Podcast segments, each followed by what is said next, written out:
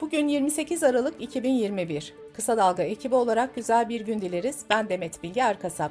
Gündemin önemli gelişmelerinden derleyerek hazırladığımız Kısa Dalga Bülten başlıyor.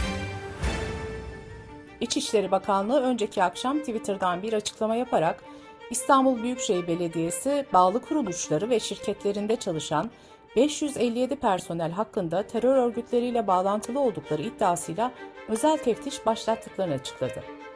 Teftiş kararına başta CHP olmak üzere muhalefetten tepki geldi. İstanbul Büyükşehir Belediye Başkanı Ekrem İmamoğlu, İçişleri Bakanı Süleyman Soylu'yu istifaya çağırarak şu açıklamayı yaptı. İşe birini başlatırken adli sicil kaydı istersiniz. Bu belge Adalet Bakanlığı'ndan alınır.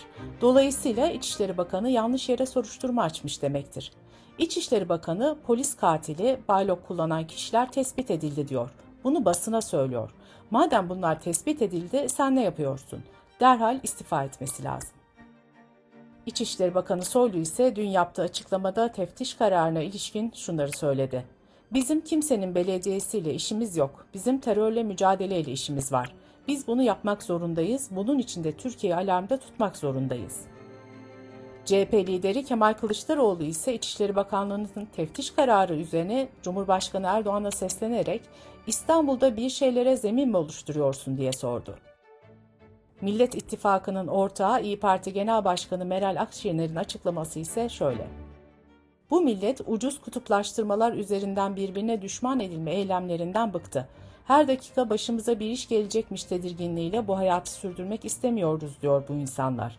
Bunlara kulak verin benden söylemesi. Sonra uyarmadı demeyin. Ankara Büyükşehir Belediye Başkanı Mansur Yavaş'tan da Ekrem İmamoğlu'na destek geldi. Mansur Yavaş, asılsız ithamların karşısında tek vücut olarak yer almaya devam edeceğiz dedi. Gelecek Partisi Genel Başkanı Ahmet Davutoğlu'nun konuyla ilgili görüşleri ise şöyle. Bu memurlar adli sicil kaydı alınarak göreve başlarlar. Eğer böyle bir vahim hata yapılmışsa bu adli sicil kayıtlarını verenler kimlerdir? Burada gerçekten hukuki bir teftiş mi yürütülmeye çalışılıyor yoksa siyasi bir iklim mi oluşturulmaya çalışılıyor? Yargıtay 5. Ceza Dairesi futbolda şike davasında aralarında eski Fenerbahçe Başkanı Aziz Yıldırım'ın da olduğu 5 sanık hakkında verilen beraat kararlarını onadı. Ankara'da hukuk fakültesi öğrencisi Oğuzcan Kurt'u Ankara Adliyesi'nin yanında darp ederek çenesini kıran ve ters kelepçe takarak karakola götüren 4 polis hakkında işkence suçundan iddianame düzenlendi. Mersin'de 9 ila 13 yaşındaki iki kız kardeşi Haşema ile girdikleri sitenin havuzundan yasak olduğu gerekçesiyle çıkaran ve hijyen savunmasında bulunan yöneticiye inanç, düşünce ve kanaat hürriyetinin kullanılmasını engelleme suçundan 10 ay hapis cezası verildi. Sırada ekonomi haberleri var. Bankacılık Düzenleme ve Denetleme Kurulu, Merkez Bankası'nın sahip olduğu rezervlerle ve kur kriziyle ilgili yaptığı değerlendirmeler nedeniyle İyi Parti Genel Başkan Yardımcısı ve eski Merkez Bankası Başkanı Durmuş Yılmaz'la birlikte akademisyen Güldem Atabay, CHP Milletvekili Burhanettin Bulut, gazeteci Emin Çapa ve ekonomist Selçuk Geçer hakkında suç duyurusunda bulundu.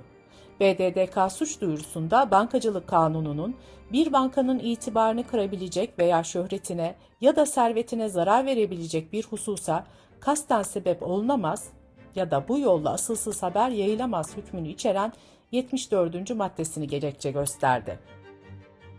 BDDK'nın hakkında suç duyurusunda bulunduğu isimlerden Twitter üzerinden yanıt geldi. Burhanettin Bulut, 20 Aralık'ta dolar 18 liradan 12'ye geriledi. Büyük bir satış oldu.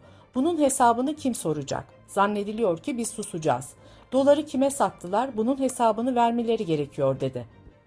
Ekonomist Selçuk Geçer ise susturamazsınız. BDDK'yı son bir ayda yaşananlarla ilgili göreve davet ediyorum. Her şey ortaya çıksın, idama hazırım ifadelerini kullandı. Gazeteci Emin Çapa ise bize bir gözdağı verilmek isteniyor, bizi susturmak istiyorlar. Bu benim halka karşı gerçeği anlatma sorumluluğumu hiçbir şekilde etkilemez diye konuştu.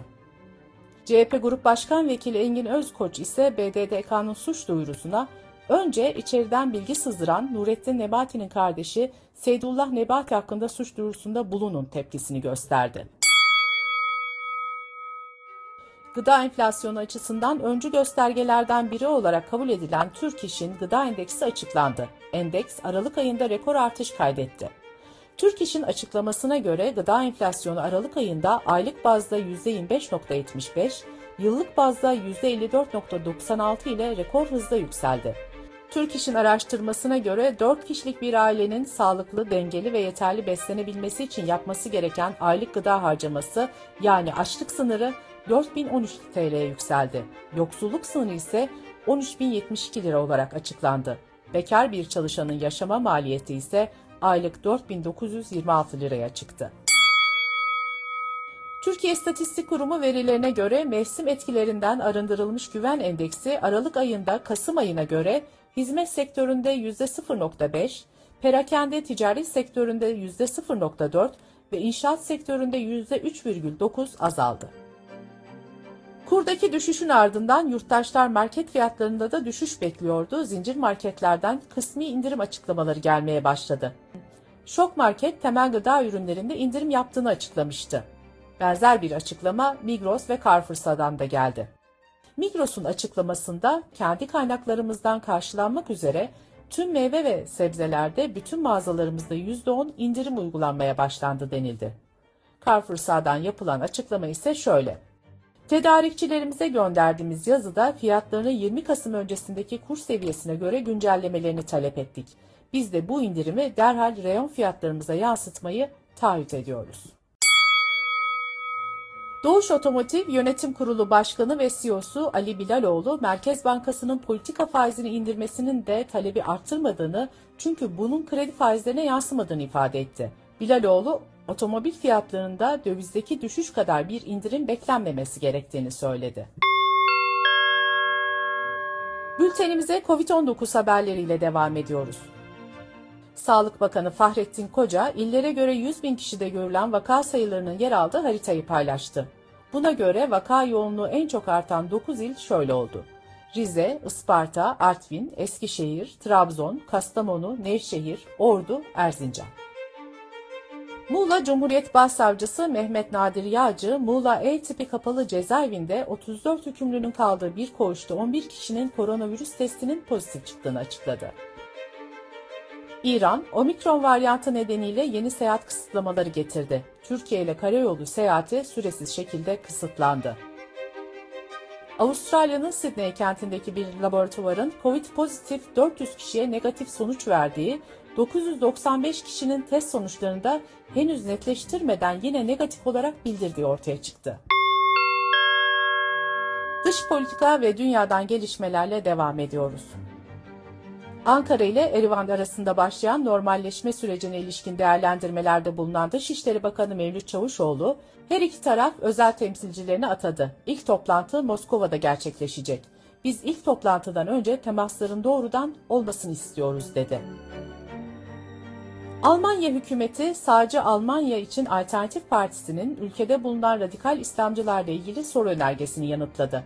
Almanya bu yıl tehlikeli olarak sınıflandırılan 18 radikal İslamcıyı sınır dışı etti.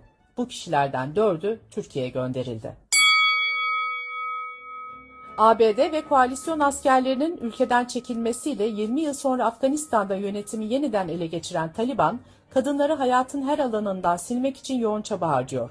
Taliban, kadınların aileden bir erkek eşlik etmedikçe kısa mesafeler dışında yalnız seyahat etmelerini yasakladı. Taliban 1996-2001 yılları arasındaki ilk döneminde kadınları çalışma hayatı ve eğitimden men etmişti. Geçtiğimiz haftalarda Filipinleri vuran ve büyük yıkıma yol açan Rai tayfununda bilanço ağırlaşmaya devam ediyor. Can kaybı sayısının 389'a yükseldiği, kaybolan 64 kişi için arama çalışmalarının sürdüğü ifade edildi. Rai tayfunu 4 milyondan fazla kişiyi etkiledi. 570 bin kişiden 315 bininin kurulan 1179 geçici tahliye merkezinde barındığı öğrenildi. Kişinin hormon tedavisi, tıbbi teşhis, ileri değerlendirme veya bürokratik adımlar olmaksızın yasal olarak cinsiyet değiştirmesine izin veren İrlanda, Belçika, Portekiz ve Norveç gibi Avrupa ülkeleri arasına İsviçre'de katıldı. İsviçre'de 16 yaş ve üstü yurttaşlar 1 Ocak'tan itibaren nüfus müdürlüğüne başvurarak yasal olarak cinsiyetlerini değiştirebilecek. Bültenimizi kısa dalgadan bir öneriyle bitiriyoruz. Profesör Doktor İlhan Uzgel, Şili'de Gabriel Boric'in seçilmesini analiz ediyor. Kısa Dalga.net adresimizden ve podcast platformlarından dinleyebilirsiniz. Gözünüz kulağınız bizde olsun. Kısa Dalga Medya.